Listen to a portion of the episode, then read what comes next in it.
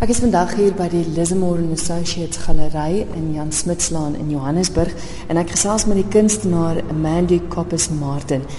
En ek moet sê ongelooflike fyn werk waarna ons nou kyk. Ons gaan nou in detail daaroor gesels, maar eers die titel.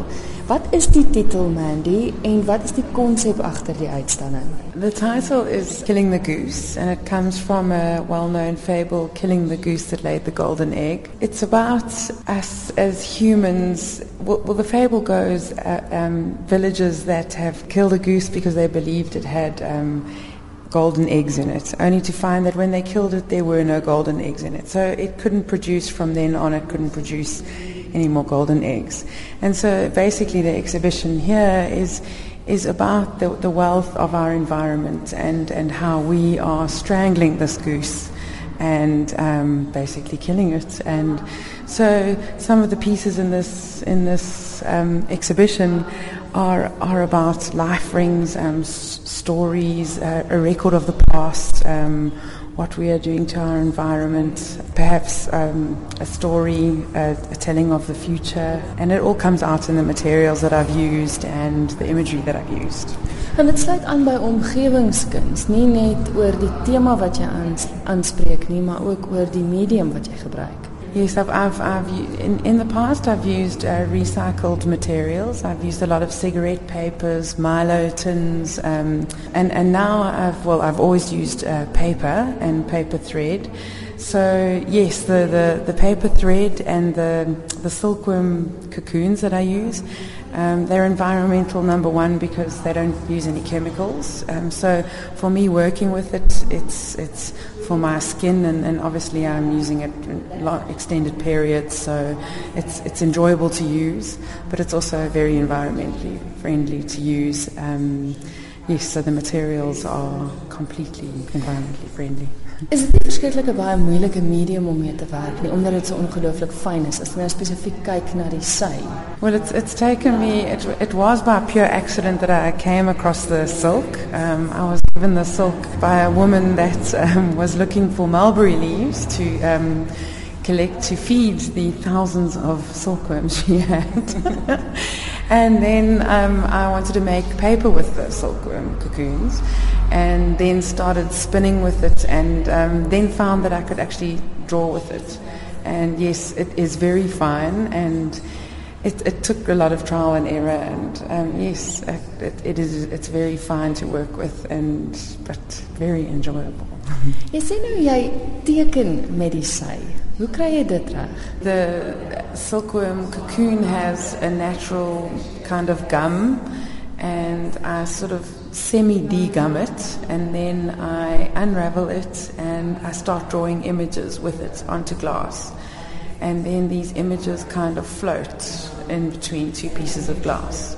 And I dye it so I can get different kinds of colors out of it, and it, the dye adheres to this natural fiber very well. Then, then I create drawings and I kind of move the silk around with a paintbrush, and then it flattens and dries, and there you have your drawing. Ja, want om vir die luisteraars te verduidelik, ons staan nou hierso is die, die die kop van 'n beer en ook die kop van 'n buffel en daar's ook 'n man en en hy trek 'n groot sirkelvormige vorm agter hom aan. So dit dit dit lyk letterlik soos jy sê jy het geteken daarmee. Mandy, dis nou die sy waarmee jy gewerk het, maar watter ander medium werk jy nog mee? The other medium I work with is paper. I've studied paper for 14 years. I did my master's in, in paper research. Um, I looked at invasive plant fibers in South, Southern Africa. In this exhibition, I've worked with um, paper fiber, and it's, it's called shifu. And what I do with it is I crochet it, and then I embed it into paper sheets and paper pulp. And it's a very fine fiber, and it's what the ancient Japanese monks used to wear as kimonos. Um, this particular shifu is made by a friend um, in the Philippines. Um, I am able to make it, but if I made it for this show, I would be here in 20 years' time. it's a very labor intensive process. Um, but it is absolutely beautiful, uh, a, a beautiful fiber to work with. It's very strong um, and, and very, uh, yeah, you can mold it very nicely. Very, Dit is interessant dat jy sê ja, jy hekel want ek het onmiddellik mense sien dadelik die hekelpatrone. Hekel jy soos in fisies met die hekelpen? Breek dit nie maklik nie? No, it doesn't. And um, it's it's funny because yeah, everyone I've mastered the art of bad crocheting because I don't want it to look like a perfectly crocheted um, ring. And the reason why I'm crocheting with paper is that I, I, I'm looking at tree rings, which are the life rings of trees. So I'm reclaiming from the tree and giving back to the tree. And it's almost like a kind of holistic meditation um, and working through the, the record of time almost. So, but back to your question, though, it, um, it can break if you pull it hard, it, it, does break. But the nice thing about it is you can wet it and it kind of molds almost like a paper mache. So you can mold it to how, how you want it to mold. But it, it's, it's a very strong um, fiber as well.